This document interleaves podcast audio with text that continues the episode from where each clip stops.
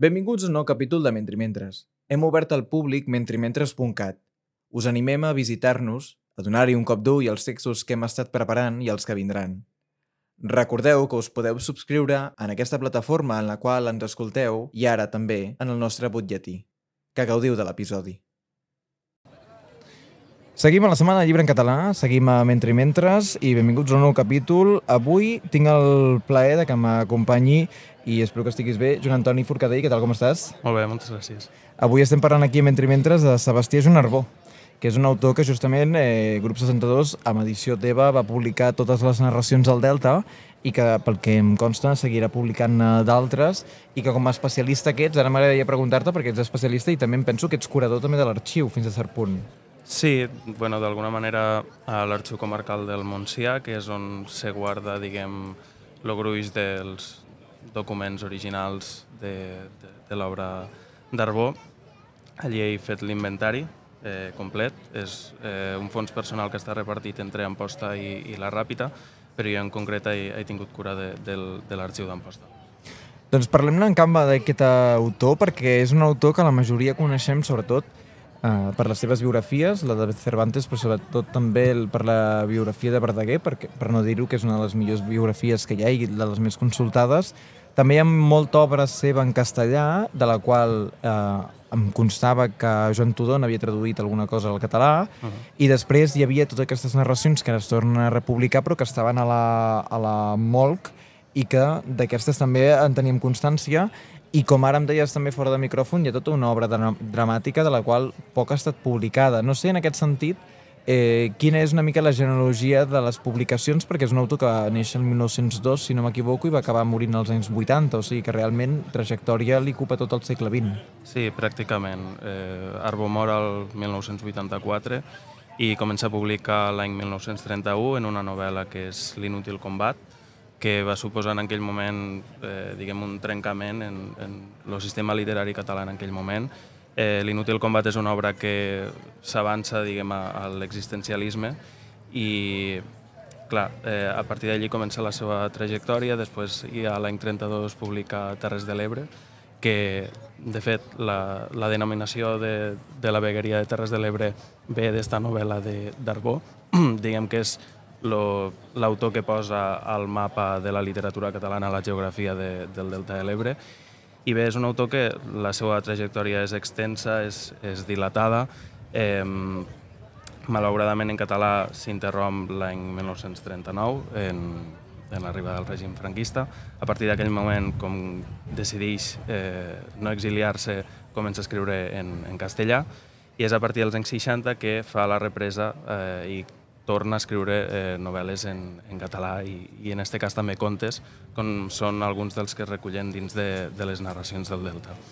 I en aquell moment eh, Arboi estava alternant eh, novel·lística en castellà, que és pràcticament molt desconeguda, pràcticament no, no s'ha reeditat, i novel·la en català.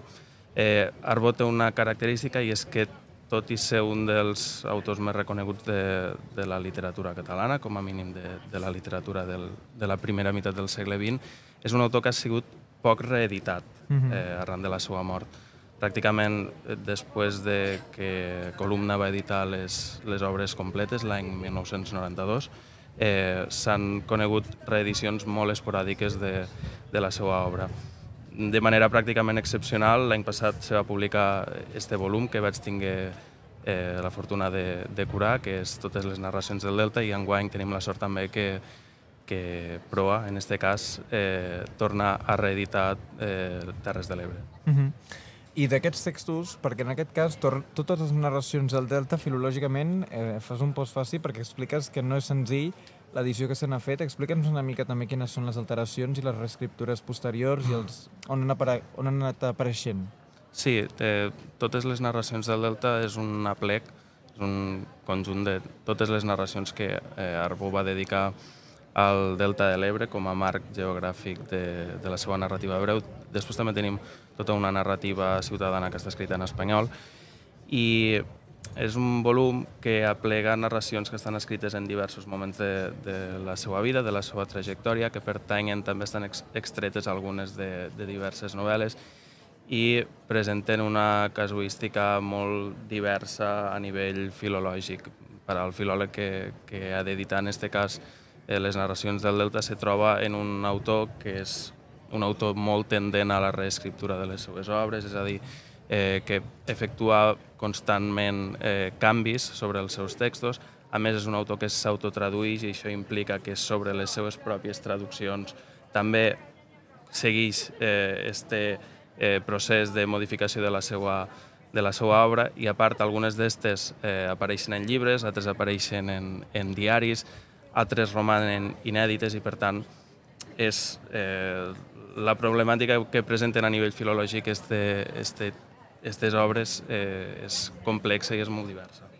I ara que ens deies aquesta qüestió vinculada a l'obra dramàtica, l'obra dramàtica de Sebastià Arbó és coneguda? S'ha arribat a representar? No. Eh, l'obra dramàtica d'Arbó, diguem que és un gènere menor dins de, de la seva producció. Arbó va publicar, de fet, dues obres dramàtiques en, en vida, una tragèdia, Nausica, i després eh, La ciutat maleïda, eh, una és de l'any 1935 i l'altra del 1937, Després eh, se, va, se coneix una única representació de la seva obra, l'any 36, d'un inèdit que és Despertar, i després també té tota una sèrie d'obres dramàtiques que mm, no va arribar a publicar mai. I ja dic, no només és que sigui un, un autor que la gran majoria de la seva obra dramàtica és inèdita, sinó que també eh, diguem que, que no s'ha representat ni, ni s'ha pràcticament editat.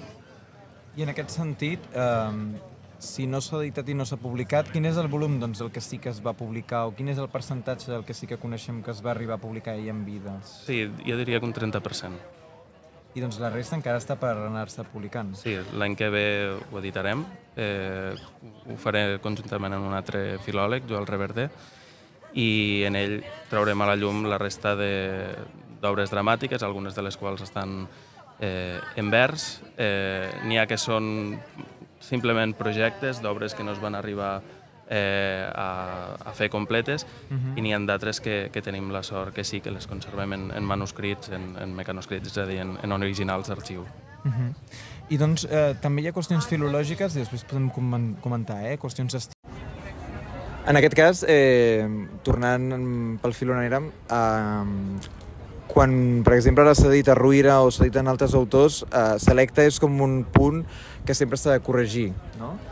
Sí, bueno, ens trobem en la particularitat que és un tret comú també en altres editors. Eh? També passa, per exemple, en Joan Sales, quan edita Arboi, és que quan passa per les mans dels editors totes les particularitats de la parla del Delta de l'Ebre, que vol representar Arbó a través dels seus personatges desapareixen. Per tant, desapareixen formes dialectals, desapareixen castellanismes i moltes, moltes altres eh, particularitats d'esta parla que Arbó en aquest moment, sobretot a partir de, dels anys 60, vol eh, començar a, a fer explícit a, a través de, de la seva obra. Clar, i doncs en aquesta relació, ara que hem tocat més la qüestió filològica dels textos, eh, ha aquesta gran reivindicació que de tant en tant es fa, que és dir, no l'hem valorat tant eh, com a autor i sobretot aquí la culpa potser és una qüestió d'estil, no? que a vegades són aquesta gent que surt des dels cànons que la literatura catalana sempre ha volgut conrear, eh, s'allunya tant d'una idea de noucentisme o s'allunya tant d'unes lògiques que es podien imputar a les lògiques majoritàries? No, jo penso que és més una qüestió política que no pas literària. És a dir, és un autor que va prendre una decisió complicada i controvertida en el seu moment, eh, al qual se va penalitzar molt també per haver escrit en castellà, eh, una recent tesi doctoral de, de la doctora Marta Matas eh, de la Universitat Rovira i Virgili sobre Sebastià Juan Arbou ho acredita així, és a dir, és un autor que eh, a la intel·lectualitat catalana, sobretot a l'exili, eh, no va caure bé el tema este. Aleshores, eh, és una literatura, jo penso que és de primer nivell, però que també per culpa de, del caràcter propi també de l'autor, que era molt reticent als actes públics, a, a formar comunitat en, en la intel·lectualitat del seu moment, en, en el món cultural, eh, també va provocar l'aïllament de la seva obra, penso. I a trets generals, com podríem definir eh, la seva obra? Quins temes recurrents hi ha? Perquè sembla com que s'inscrigui sempre en un passegisme o una descripció modernista, però no sé si això queda molt instaurat o realment això queda totalment sobrepassat. No, això és una caricatura diria jo, de, de lo que és la seva literatura. Eh, la seva literatura és molt més que el paisatgisme, que sí que és un tret eh, puntual però no definitori. Eh, la seva literatura és una literatura que tracta temes, eh, penso, universals, Eh, és una literatura que reflexiona sobre l'existència de, l'individu, de l'individu enfrontat contra la societat del moment. Eh, la seva primera narrativa és sobretot una narrativa molt de tall existencialista que s'avança a, moltes corre, a moltes corrents eh, que després s'explotaran sobretot a partir de, dels anys eh, 40 a, a Europa. I com dic, eh, és una literatura que s'aproxima sobretot a la, a la problemàtica social eh, i política de, del seu moment, sobretot centrada en, en la que s'abat sobre, les, eh, sobre les persones que viuen al, al Delta de l'Ebre en, en el seu moment. És un territori en aquell moment en construcció, és un territori que l'home arranca pràcticament de, de la natura i per tant és una literatura molt interessant en aquest sentit perquè explota tota esta tota aquesta batalla del, de l'ésser humà contra, contra la natura i, contra, i també contra l'ésser humà. I en aquesta, en aquesta definició que ens feies, amb quins altres autors es podria relacionar o amb quines altres relacions eh, en taika carències i que d'autors i que lectors, eh? Sí, s'han assenyalat moltes connexions en la literatura del seu moment i en la literatura de finals dels anys eh, de, del, del segle XIX. Se l'ha emparentat sobretot en, en Dostoyevsky, en André Gide. Eh, també se li han intentat buscar concomitàncies en, en Blasco Ibáñez. Eh, bé, no està molt clara tampoc la, quina és la influència decisiva, però ell sobretot dia que eh, tenia una impronta també molt dels, dels clàssics grecs, així que imagino que, que veu de, de diferents fonts. I això dels clàssics grecs que ho he llegit en algun dels teus textos, què vols dir? Que, què, què és el que estava llegint? Perquè ell sabia grec o llatí? No, ell llegeix eh, sobretot eh, clàssics eh, tràgics, suposo que a través de traduccions en francès, eh, i una mica Laura, esta tràgica, és la que vol eh, representar a través dels seus personatges que viuen en un context i en unes circumstàncies molt, molt diferents, com són el panorama rural de, del Delta de l'Ebre del moment. I se'n conserven textos d'ell parlant sobre literatura o parlant sobre altres autors, a part de, de les biografies que coneixem? Sí, tant. Eh, ell té una la seva diguem, trajectòria articulística és molt extensa. Eh, va escriure més de mil articles a, a La Vanguardia en el seu moment. Va polemitzar en la literatura de, que s'estava escrivint en, en la seva època i és un autor que, que va parlar de temes molt, molt diversos que no dubtava a l'hora de posar-se en, en polèmiques eh, literàries. Aquesta també és una, una de les vessants que estan poc explorades per part de, de la crítica. I la qüestió biogràfica s'ha explorat també?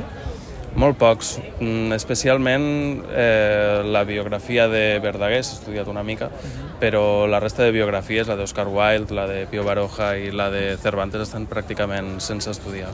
I ell com a bi eh, biografies d'ell en tenim? Disposem d'algun tipus d'aproximació biogràfica? No, no tenim res. Eh, tenim una tesi doctoral, eh, tenim treballs puntuals que parlen d'algun aspecte de la seva biografia, tenim les memòries que va escriure en dos volums, però no tenim pròpiament una biografia d'Arbó. Joan Antoni Forcadell, avui ens acompanyes per parlar sobretot d'aquest volum que va treure proa, de totes les narracions del Delta, però com ens dius, l'objectiu és continuar publicant Sebastià Arbó i sobretot que el públic pugui llegir-lo.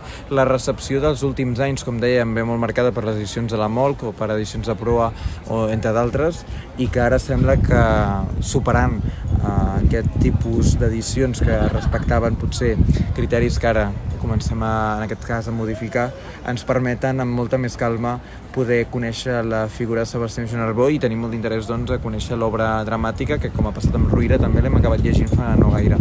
Jo et volia ja per, per acabar, en aquest sentit, tu parlaves de la tasca que està fent la universitat, tu des d'on l'estàs fent o des de quines universitats s'està treballant eh, la figura de Sebastià Generbó? Jo ara mateix estic adscrit a la Universitat Autònoma de Barcelona, sóc doctorant, estic desenvolupant una tesi doctoral al, al voltant de Sebastià Juan Arbó i bé, estic immers en diversos projectes que tenen una mica lo, la voluntat esta de rescatar aquesta figura una mica de l'olbit on, on, on estava. Enguany publiquem en Onada, una, en Onada Edicions, que no ho he dit, una novel·la inèdita d'ell en castellà, que és El Ángel se durmió. Eh, S'edita en un estudi crítico-genètic, en un estudi filològic eh, extens. Eh, L'any que ve esperem se publicarà l'obra dramàtica completa i esta és una via a través de la qual bé, la meva voluntat és eh, que se seguisca llegint eh, a Sebastià Juan Arbó, que és una mica l'objectiu final. Eh, Joan Antoni, moltíssimes gràcies avui per passar-te per la setmana, perquè tot i no presentar cap novetat ens has pogut aclarir una mica eh, totes aquestes novetats editorials que veurem i que ja hem començat a veure sobre la figura de Sebastià Joan Arbó i també ens has pogut orientar cap a la lectura d'aquestes, totes les narracions del Delta, Terres de l'Ebre, que es publicarà aviat també, i també de l'obra dramàtica en què tenim ganes. Moltíssimes gràcies. Moltes gràcies.